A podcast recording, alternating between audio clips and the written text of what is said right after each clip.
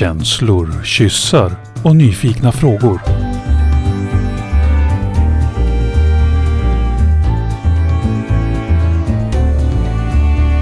Pollyprat med Minna och Karin. Hej och välkomna till Pollyprat. Idag så ska vi prata om ett angeläget, spännande ämne. Vi ska prata om vilka konsekvenser som familjelagstiftningen kan ha på lite okonventionellt flersamt familjebildande. Så idag så har vi med oss både en jurist och en familj. Och vi har med oss en familj som har följt sina hjärtan under ganska lång tid och byggt ett familjeliv ihop. Och så vi har det är Christian. Hej Christian! Hej hej! Och det är Lenita. Hej. Och så har vi med oss Tobias också. Hej, hej. Och sen så har vi med oss en eh, jurist från RFSU, Martin Kandell. Hej Martin! Hej, kul att vara här. Och du arbetar som jurist på RFSU. Jag arbetar som jurist och politiskt sakkunnig, både juridik och politik. Jag eh, tänkte Christian, Tobias och Lenita, om ni kan inte ni bara börja med att berätta om er familj? Jag, jag börjar lite grann så får, får Lenita och Tobias eh, avbryta eller hoppa in eller fylla i. Mm. Jo, men vi, vi är en familj med tre vuxna och fyra barn. Jag och Lenita öppnade upp vår relation för ganska länge sedan och hon träffade Tobias och han flyttade in hos oss under under ett år till slut fick vi sätta oss ner och säga att Nej, men Tobias, du har nog flyttat in hos oss nu. eh, I och med att jag och Lenita har tre barn ihop så, och vi bodde i ett helt vanligt radhus så blev det lite trångt allt eftersom barnen växte. Vi eh, hade lite tur när radhuset bredvid blev till salu så att jag kunde köpa det. Så nu, nu bor vi i två radhus som är ihopbyggda helt enkelt. Mm. Så att vi, har, vi, har, vi har ändrat vårt liv lite, lite grann under lång tid. Och nu har vi det så här. Det känns jä- jättebra. Eh, Christian och Lenita, ni är gifta. Ja. Eh, nej men så precis så ser det ut. Eh, Christian bor ju då i det andra huset tillsammans med två av våra döttrar och sen bor jag och Tobias i, i det gamla radhuset tillsammans med vår äldsta dotter, min och Christians äldsta dotter, Liv. Och sen har vi vår lilla Elliot som är ett halvår som bor på vår sida också. Så vi är lite uppdelade och sen har vi ju en dörr emellan så att båda radhusen funkar egentligen som ett enda stort hus där man går emellan och vi äter middag tillsammans på kvällarna och sådär. Mm. Och hur var det för dig Tobias att komma in i den här stora familjen? Ja, det var ju lite, lite gradvis så som, som jag eh, kom in såklart. Och jag, jag tyckte det kändes bra för att jag, jag klickade bra med Lenita såklart, men också med, med Christian och upplever med, eh, med barnen också. Mm. Eh, hade, jag inte, liksom, hade det inte funkat bra med barnen så hade ju det komplicerat det ganska mycket. Och hur länge sedan är det du flyttade in i huset? Ja, nu får ni hjälpa mig här, men jag vill säga 2014. Ja, det var nog där någonstans tror jag. Lite gradvis från 2013 skulle jag säga, men 2014 var det kanske mer att du började, att du bodde mer här. Så sju år ungefär så har ni bott ihop alla tre. Ja. Ja.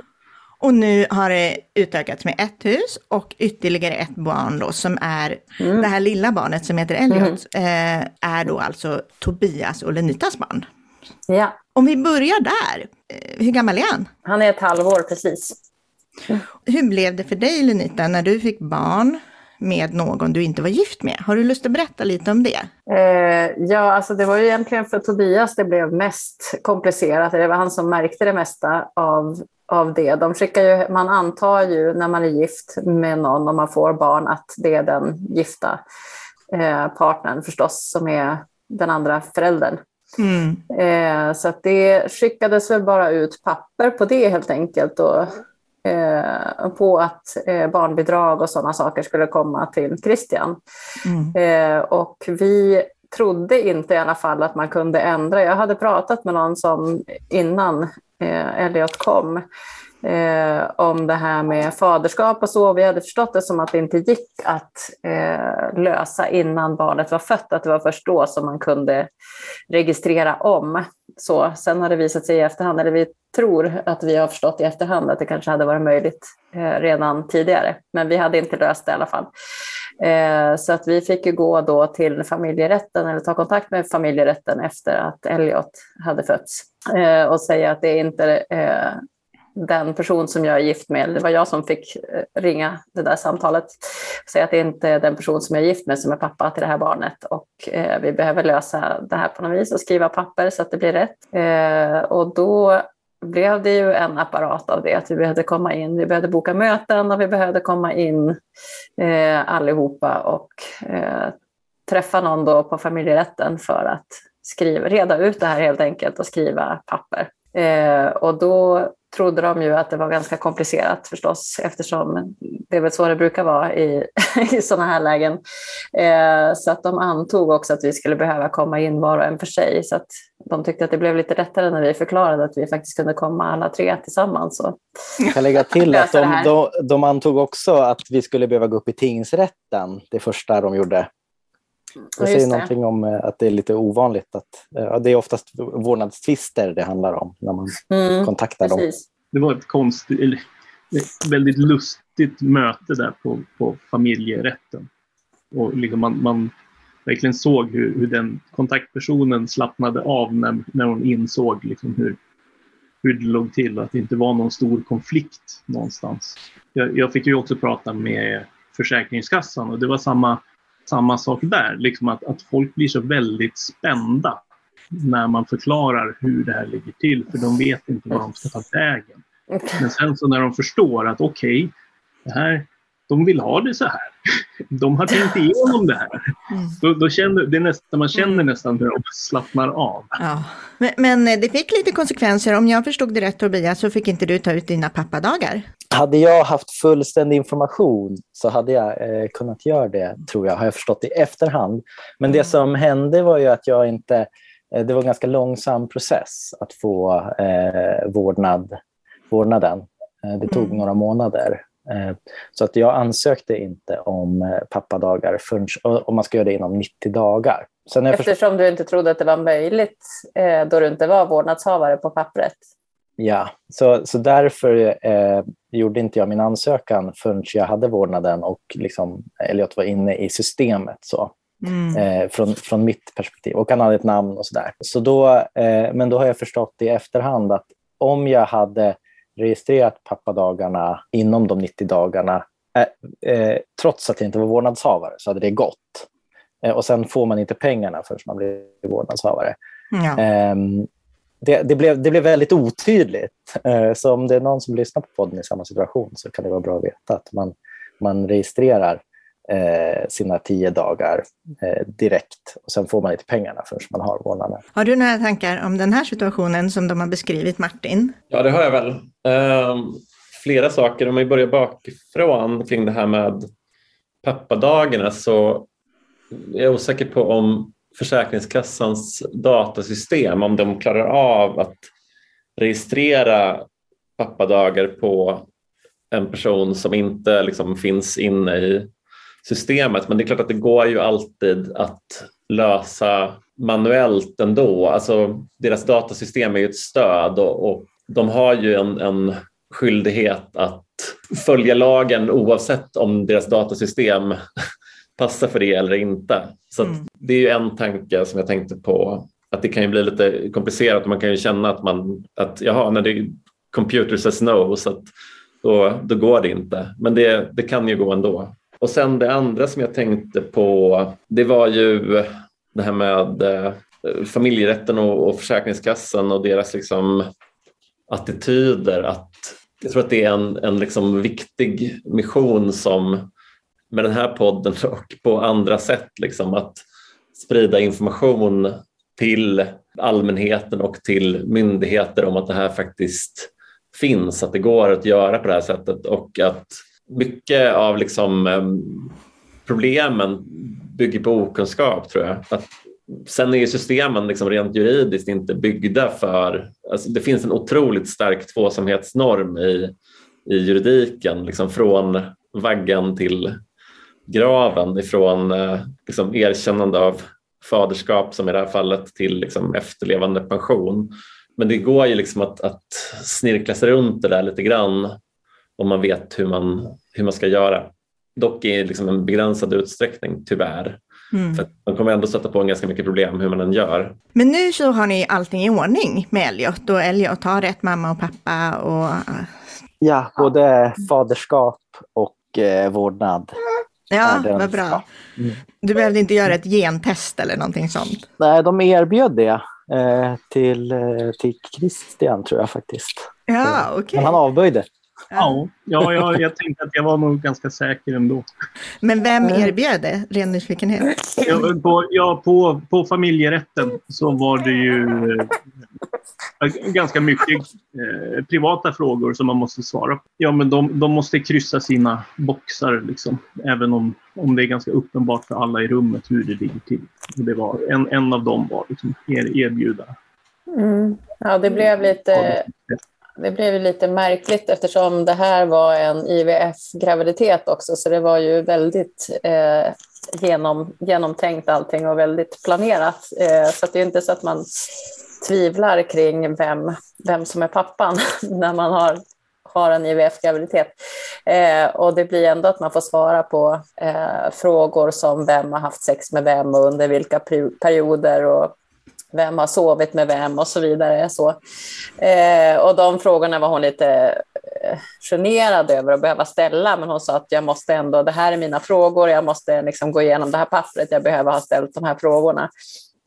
Eh, och det var ju på samma sätt med det här genetiska testet, det sa hon också, att i en, i en sån här situation så måste jag erbjuda det till de manliga parterna. Så även om hon sa att jag förstår att det inte är en fråga i det här fallet, men jag behöver ändå kunna kryssa att jag har erbjudit. Sen missade hon ändå erbjuda eh, Tobias tror jag. Men det skulle hon ha gjort. Precis. Men om vi går vidare lite grann. Om jag förstår det rätt så ägde Christian och Lenita det här radhuset som ni hade eh, från början.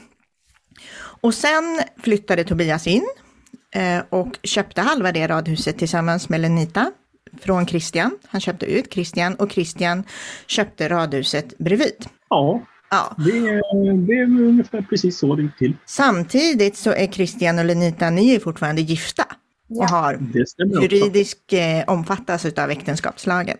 Det stämmer. Ja. Ja. Eh, och eh, ni har inte, om jag har förstått det rätt, så har ni inga äktenskapsförord eller testamenten i dagsläget som reglerar de här förhållandena. Nej, precis. precis. Och mer egentligen muntliga överenskommelser om ekonomi och hur saker ska funka så, men vi har ingenting i skrift. Och, och, då, och det är ju helt fantastiskt så länge man är överens. Eh, Mm. och eh, och då, då funkar ju allting. Och så länge alla lever. Och så länge alla lever, precis. Så det, nu kommer vi ju kanske diskutera runt vilka problem kan uppstå i den här situationen. Och, och vilka juridiska situationer. Och då finns det egentligen två situationer som kan uppstå. Men om vi börjar med de här ekonomiska balansgången mellan att vara sambo och vara gift. Har du någon, eh, någonting, Martin, kring det? Kring samboskap och eh, äktenskap. Ja, alltså jag tänker på det här att när man eh, har ett äktenskap så har man ju delad ekonomi. Precis. Eh, Ehm, och när man ha, har ett äktenskap så har man, eh, den ekonomin omfattar ju allting om man inte Mm. har ett äktenskapsförord eller någonting annat. reglerar man inte det här specifikt genom ett äktenskapsförord eller genom ett testamente så eh, är ju all egendom gemensam för, för de som är gifta. Så att, eh, och äktenskap trumfar ju också samboskap. Så att eh, oavsett om man bor ihop med någon annan eller inte så är det ändå reglerna för äktenskapet som, som gäller. Så att det är liksom sambolagen. Så länge någon är gift så, så, så gäller inte sambolagen eller några andra regler på det sättet. Och när vi pratar om all ekonomi, då pratar vi ju även till exempel om Lenita ärver eh, en massa egendom. Så går ju det in i äktenskapet hon har med Christian. Det är ingenting som hon juridiskt ska dela med inte- eh, Tobias. Så länge det inte är, skrivet som enskild egendom så är det så. Ja. Mm.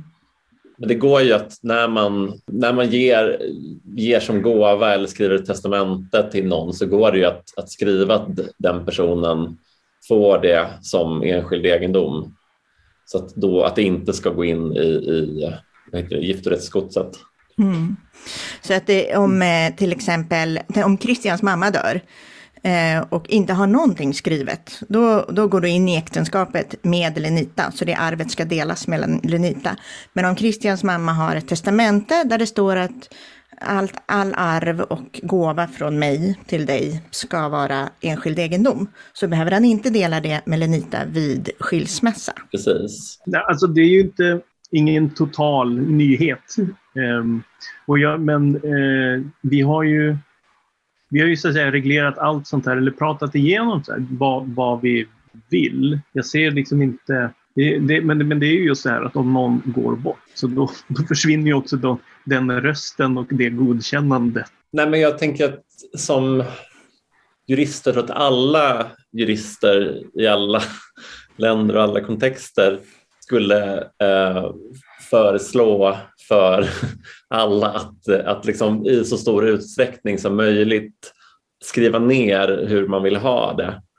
För att eh, som eh, du sa förut min att, att så länge alla är överens så, så funkar det. Men det, erfarenheten visar att alla inte alltid är överens och även om människor har känt det som att, att de kommer aldrig bli liksom oense om någonting så, så händer det ju ändå i många fall. Så det, det, jag tror att det är väldigt viktigt om man vill liksom förebygga konflikter framöver eller hamna i konstiga situationer, att i så stor utsträckning som möjligt liksom reglera vad som ska hända med eh, ens, ens egendom om man dör eller om man separerar. Sen är det lite svårare i en flersam relation för att eh, man har inte de här eh, regelverken, de här ramarna som, som finns för tvåsamma relationer på samma sätt. Och det går inte att liksom, till exempel ingå ett eh, civilrättsligt avtal som är som ett, liksom, som är som ett giftermål. Alltså det går inte att eh, säga att göra ett avtal där man säger att allting som vi kommer att ska delas lika på oss och vi ska ärva varandra ett sådant avtal går tyvärr inte att, att skriva så som lagstiftningen ser ut idag. Det man får göra i, i sådana fall är att ha avtal kring specifika saker, alltså samägandeavtal. Det går att, att göra ett avtal kring, kring huset eller kring andra saker som man äger tillsammans. Det går att skriva testamente där man kan formulera vad som ska hända med saker när man dör. För om jag förstår det rätt, så att om, om vi då pratar om huset, om Lenita dör så är det ju Christian som ärver Lenitas eh, del i det gamla huset och eh, Tobias har egentligen inga rättigheter då gentemot Christian. Nej. Vad tänker du om det Tobias? Ja, det hade varit att föredra att det var på något annat vis. Som våra relationer är nu skulle vi inte ha något problem att reda ut det, men det vet man ju inte. Eh, så det, en, det, blir en osäkerhet då såklart. Jag mår inte dåligt av det mm. i, i nuläget i alla fall. Jag tänker att här finns det ju också fyra barn, lite olika fördelade. Tre mellan Christian och Lenita och ett eh, som Lenita och Tobias har, har tillsammans. Och barnen har ju också någon form av arvsrätt, även om man inte ärver Um, jag menar, makan eller maken ärver ju först uh, och sen ärver barnen. Eh, vilket gör att Tobias eh, barn kan bli ganska förfördelad i en sån här konstellation om man ska följa lagstiftningen som den ser ut idag. Särkullbarn är ju i allmänhet barn som har kommit innan.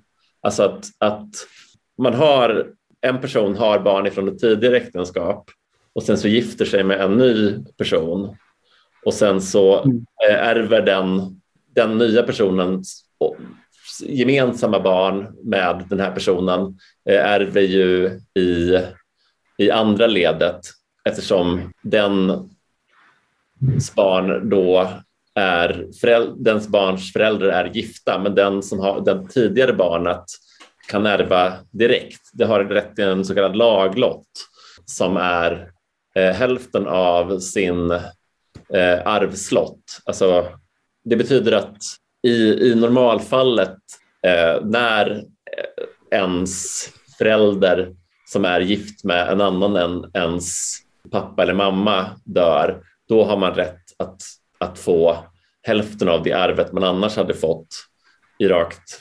Men det är ju i den här situationen som ni är i så är jag, jag känner mig lite så osäker på, på exakt, alltså jag tänker att för Christian och, och Lenitas barn så är det ju inget problem egentligen om det skulle vara så att om det skulle vara så att Lenita dör, då skulle ju Christian ärva Lenitas del eh, fram till att han dör och sen så skulle barnen ärva Christians del också och Lenitas del. Men för Tobias och Lenitas barn skulle ifall Lenita dör jag tror, ja, men det måste nästan vara så. Då skulle, då skulle de ärva direkt. Elliot skulle ju ärva direkt i det läget. Från Lenita? Mm. Ärva Lenita direkt, ja precis. Ja, precis. Så att även om, om Elliot har kommit till efteråt så skulle resultatet bli detsamma. Är det här, de här arvsgrejerna eh, och arvslotterna, är det sånt som går att reglera genom testamenten? Eh, I viss utsträckning går det att, att reglera via testamente, men ett barn har alltid rätt till en laglott, alltså som är som sagt hälften av det som den annars skulle ärva. Så att det går att, testamentera bort hälften av barnets arv, men inte hela barnets arv. Så att, så att det går i svensk lagstiftning idag så går det inte att göra sina barn arvlösa, utan de, de har liksom en lagstadgad rätt till åtminstone hälften av det som de annars hade haft rätt till. Ja, alltså jag tänker att i det här fallet med eh, Tobias, Christian och Lenita så är det, eh, det känns som att eh, det skulle kunna uppstå arvsgrejer om Lenita dör framför allt. Eh, men, men det är ju den här äktenskapliga gemensamma ekonomin som kanske är den, är den som skulle kunna vara mest besvärande. Äktenskapet alltid eh, slår samboskapet. Ja. Om jag och Lenita, om vi var skilda, skulle det göra det enklare ifall, alltså arvsmässigt, om, jag vet inte riktigt hur det är. Alltså jag skulle säga ur juridiskt perspektiv att det inte skulle bli enklare om ni skilde er. Alltså det, eh, det eftersom det liksom inte finns någon, det finns inga regler som liksom tar vid i det här fallet. Alltså det mm. finns ingen, ingen, alltså det är klart att sambo, sambolagen skulle ju såklart då gälla för eh, Lenita och eh, Tobias. Men det skulle liksom inte göra saker enklare egentligen. Det skulle ju bara liksom flytta, flytta problemet från den ena sidan radhuset till den andra sidan radhuset. Skifta det lite grann bara. Alltså så här, problemet är ju liksom att man hur man än gör så kommer man liksom inte riktigt runt det här.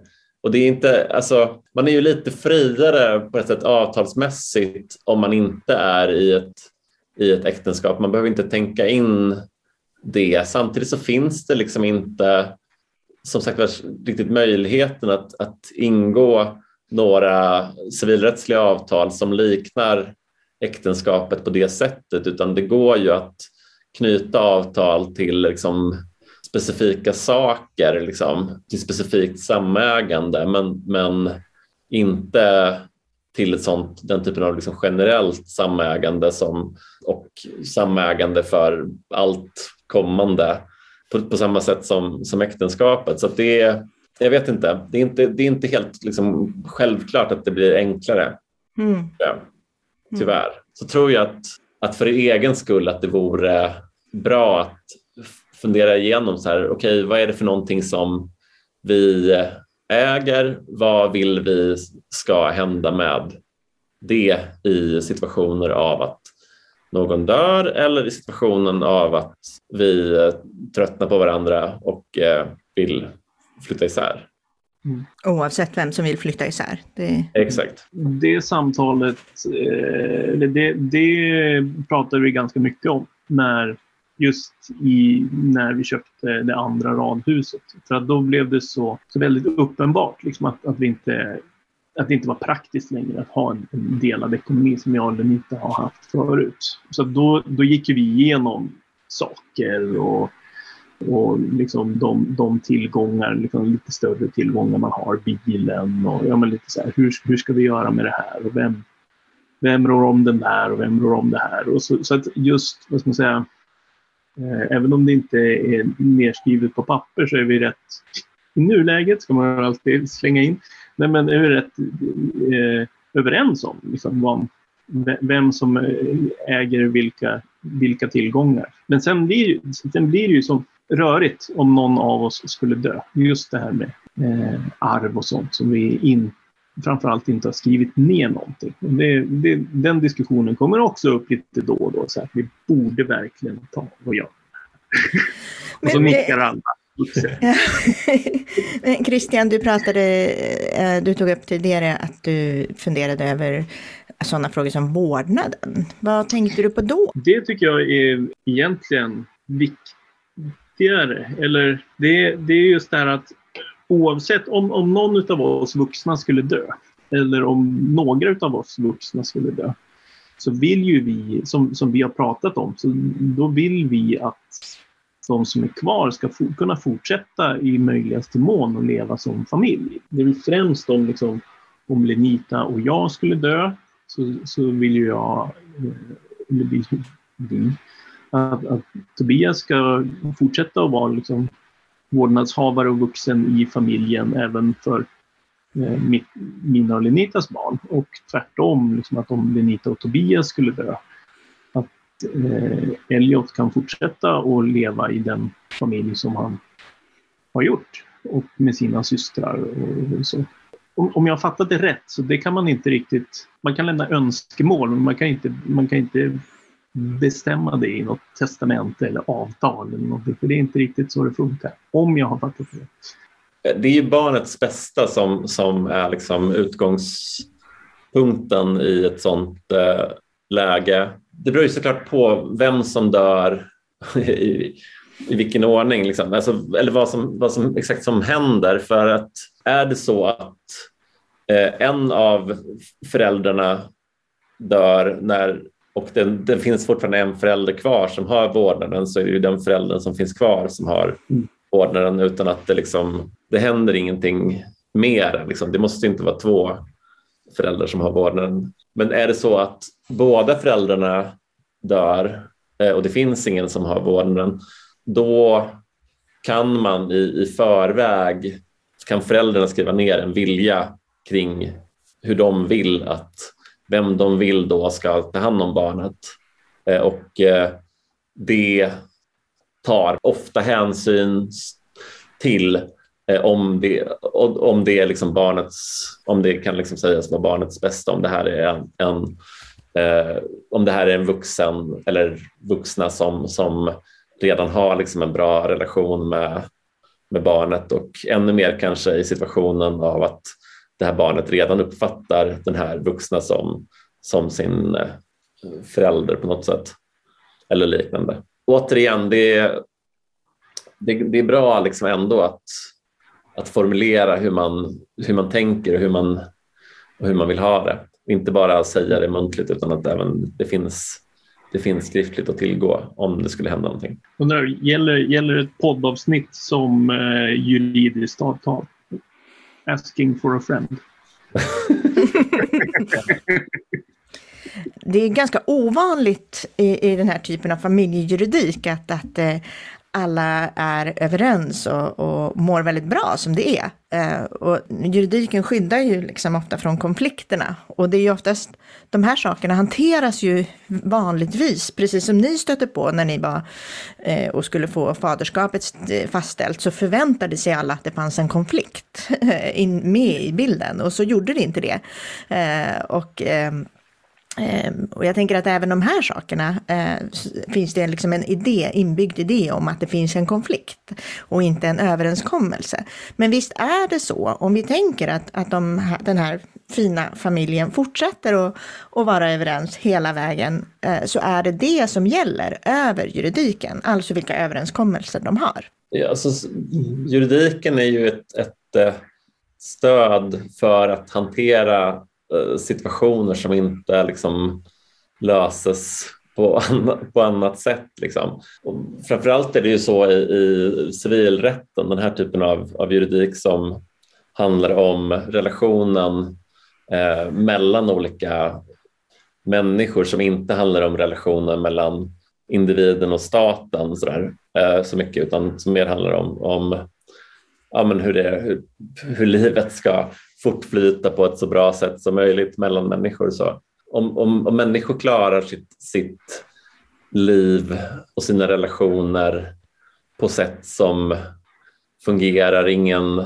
far illa på något sätt, man bryter inte liksom, normer kring vad som, vad som är straffbart och, och inte så, så är det klart att människor får liksom leva som de, som de vill och som passar dem. Liksom så, så länge alla är överens så behöver ju inte juridiken eh, intervenera. Så. Ja, men det är ju så. Man, man, får ju, man får ju leva som man vill så länge man är schysst. Liksom. det, var liksom, det, det, det, också, det var ju den stora aha-upplevelsen, för, åtminstone för mig, när vi kom på liksom, att ja, men vi, vi kan göra så här. Vi får det, för vi är vuxna. Ja, man får ju göra som man vill.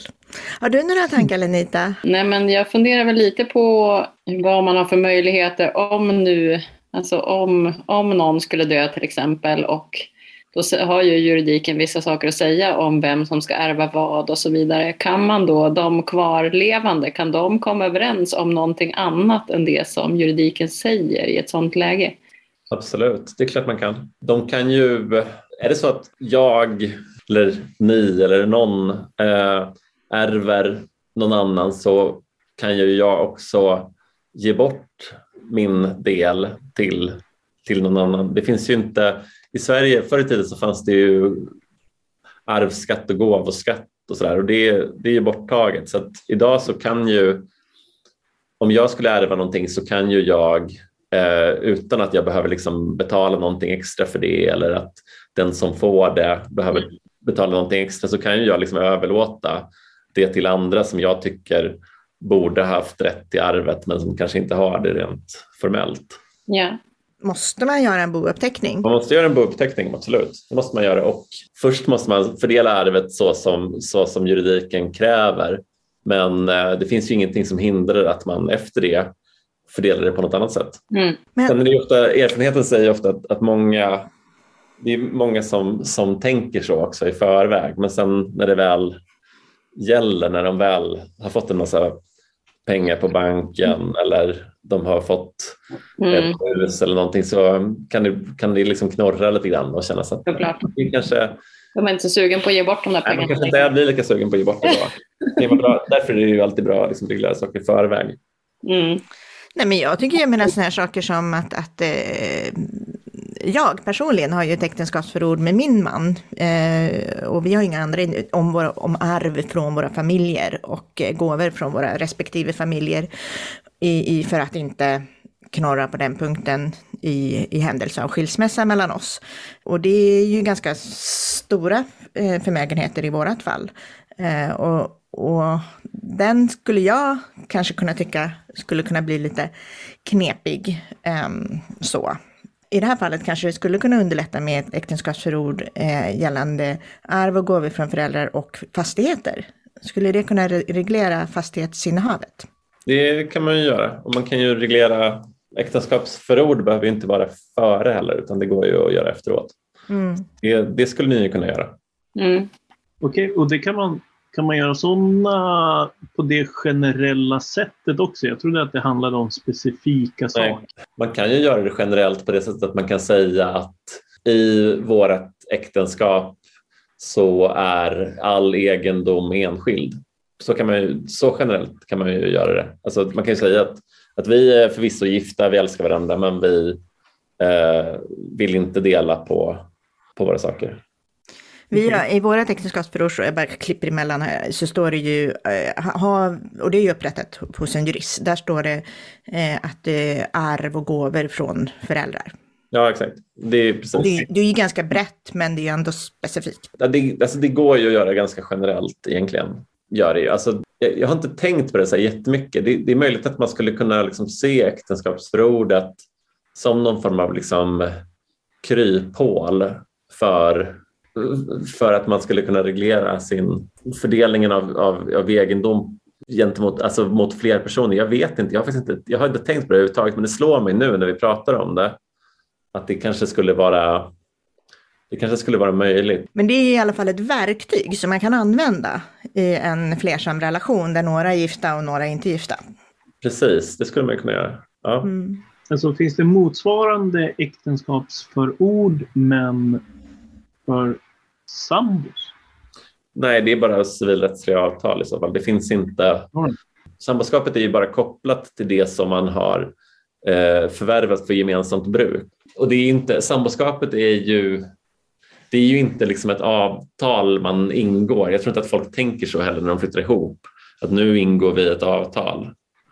Eh, utan det är ju liksom en praktisk eh, lösning för att den svagare parten har ju varit ofta histor historiskt, eh, kvinnan har det ofta varit, ska ha någon form av skydd om det är så att hon inte är gift med den som hon bor med och som kanske rent formellt äger mycket mer än vad hon gör. Så att även om han har i, i en sån, sån specifik situation hade har liksom betalat för lägenheten och en massa dyra saker så har hon ändå rätt till det för att de sakerna är ändå köpta för gemensamt bruk. De är köpta för att de, de ska ha dem tillsammans och använda dem tillsammans. Tobias, har du några mer funderingar? Någonting som du har tänkt på? Nej, det var ju liksom ekonomiska frågor och eh, vårdnad egentligen, eh, tänker jag, som, eh, som jag har tänkt på som viktiga punkter. Liksom. Eh, framförallt vårdnaden ur barnets perspektiv. Det var ett barn, ett ganska, ett barn ganska nyligen som nämnde, nämnde det eh, på något sätt i förbifarten. Hur, så här, om, om mamma och pappa dör, då, då får jag bo med dig va? Så, Mm. Mm. eh, så att det är ju jätteviktigt för barnen.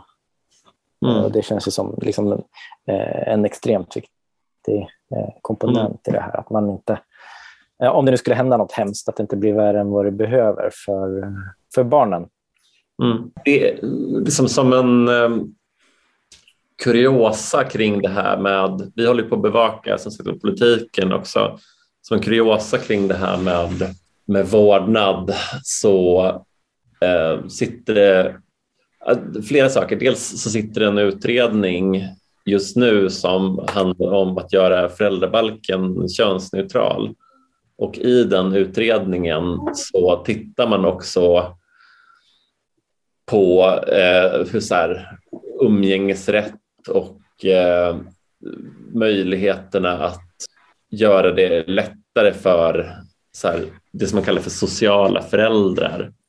Eh, föräldrar som eh, inte är liksom föräldrar rent formellt men som till exempel i en situation av att eh, ett par har separerat, alltså ett par, någon har eh, vuxit upp med, med barnet och varit någon form av plastförälder under väldigt många år och sen så separerar föräldrarna och då liksom har haft en väldigt nära relation med barnet men sen inte formellt sett har liksom någon juridisk koppling till barnet, att den, att den ändå ska kunna ha liksom, få träffa barnet och sådär. Och i den utredningen så, så liksom tassar de runt lite grann det här med möjligheten att ha fler vårdnadshavare än två. Eh, men de, det finns liksom inte i direktiven att de ska, de ska komma med något förslag kring det. Men jag tror ändå, jag har inte läst utredningen för den har inte kommit än, men när den kommer så tror jag ändå att det kommer, de kommer föra liksom en hel resonemang kring liksom problematiken med två vårdnadshavare. Och så, så det, jag tror att det kan liksom vara en lite av en grund för en fortsatt diskussion i framtiden kring framtida lagstiftning om det skulle vara så att man kan öppna upp för att kunna i framtiden vara fler än två vårdnadshavare. Det finns även, vi har även tittat på motioner ifrån riksdagspartierna i år och har sett att det är flera som eh, motionerar kring möjligheten att ha fler vårdnadshavare än två. Och för eh, två år sedan, så var det 2019, så var det en ganska stor motion ifrån eh, socialdemokratiska riksdagsledamöter som jag tror att det var, det var över 30 stycken som hade skrivit under den. Eh, där ett av förslagen var att man skulle öppna upp och göra det möjligt för fler än, än två vårdnadshavare. Då kan man betänka att de, det är en, ungefär en tredjedel av deras riksdagsgrupp. Det är ganska många. Det finns en politisk rörelse i den här frågan och det, det är inte alls eh, omöjligt att tänka sig att det skulle kunna komma sådana här liksom skarpa politiska förslag i framtiden och det beror ju såklart på vilken regering som, vilka som har makten och eh, det kommer i så fall inte liksom att motiveras utifrån flersammas Eh, situation utan det kommer ju att, att motiveras utifrån alla så här bonusföräldrar och separationer och eh, liksom familjepussel som är väldigt eh, vanligt och också ganska liksom, eh, många politiker som, som vill ta itu med att lösa på olika sätt. Så att, eh, ja, men det är lite en information. Ja, men vad spännande att höra, för det, det, det är ju såklart, vi får ta rygg på dem och, och hänga på. För det är ju, eh, kan ju absolut vara relevant för flersamma också, det här med flera vårdnadshavare. Det vet jag ju, känner jag till flera familjer där det är en, en um, utmaning, eh, hur man ska lösa det. Christian, Tobias och Lenita, har ni någon sista reflektion? Jag tänker väl mest att vi behöver boka en tid med en familjejurist för att gå igenom saker och ting och skriva, skriva ner hur vi vill att det ska funka med testamenten och med, ja, men med, med, med arv och med eh, vårdnadsfrågor och så vidare. Så. Och sen tänker jag också att man skulle ju vilja, alltså det man skulle vilja det är ju att påverka sådana här saker så att vi fick ett ökat juridiskt skydd för Eh, människor där ute i alla möjliga olika samlevnadsformer. Så att det inte är det som ska avgöra vilken trygghet man har eh, i sitt liv juridiskt och ekonomiskt så utan att vi behöver bredda ja, det känns som att, de här, att lagar och eh, juridiken och allt det har inte riktigt följt, följt med i samhällsutvecklingen. Att det har liksom stannat eller stagnerat på något sätt. Det, det hänger inte med när samhället och samlevnadsformer och annat utvecklas. Mm. Eh, så att det är ju den utvecklingen man skulle vilja påskynda så att man får ett ökat skydd istället för att man när man lever Eh, alternativt måste tänka i väldigt många olika konstiga krumbukter och eventualiteter för att eh, se till att, att man har samma trygghet som andra får eh, gratis. Jag tycker det låter jättehoppfullt med att det finns politiska rörelser och, och kring, eh, kring möjligheten till fler vårdnadshavare och sådär. Även om det inte främst är för, för flersamma Eh, så är det ett steg mot en, en, mer flexibel lagstiftning och det låter ju superbra för många. Ja, det låter ju verkligen också som att man sätter barnen i fokus. Liksom. Vilka relationer har barnen faktiskt i sitt liv? Eh, och värdesätter det. Jag sitter och funderar, jag kan inte annat än att uh, hålla med Lenita och Tobias förstås, både på våra liksom individuella plan att vi, vi behöver nog boka tid och fundera igenom och eh, skriva ner det vi har eh, kommit överens om muntligt och sen också undersöka de, de situationer som vi kanske inte riktigt har förutsett.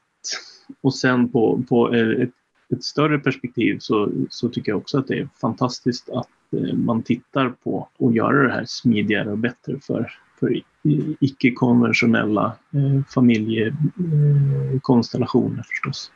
Det är superviktigt. Det, är ju, det här samtalet visar ju på att det är liksom ganska besvärligt juridiskt att, att avvika ifrån normen. Och det är, inte bara, alltså det är inte bara juridiskt utan även i, i liksom de eh, normer som, som finns hos, hos myndigheter och och så vidare. Att det, är, det är klurigt att, att avvika och eh, att som jag sa tidigare så tror jag att just att, att ha den här typen av samtal och, och ha den här typen av eh, poddar och sådär, det tror jag är väldigt eh, bra för att liksom skapa medvetenhet om hur människor lever och, och liksom informera om så för mycket bygger, på, mycket bygger liksom på okunskap tror jag, eh, snarare än på illvilja. Ja, Eh, vi hade ju Polly-familjen här på besök för ett tag sedan eh, och eh, de är ju tre vuxna som köpte ett hus tillsammans, eh, varav två var gifta och den tredje har då tillkommit på samma sätt som Tobias. Eh, och det var honom vi pratade med i podden och han sa det att Ja, fastän jag är med i det här huset som fullvärdig låntagare eh, så betraktas jag juridiskt enbart som en inneboende i den här familjen. Eh, och den här familjen har ju nio barn, varav fyra har tillkommit sedan de blev tre vuxna i familjen. Eh, och, och ja, olika föräldrar och sådär. De hade varit till en jurist eh, och reglerat det som regleras kunde. Men han sa också det att allt går inte att reglera Eh, som det ser ut idag. Utan de har kompletterat det de har eh, eh, reglerat juridiskt med helt enkelt ett brev till sina barn om hur de önskar ha det. Och så kan de bara önska att barnen ska respektera det.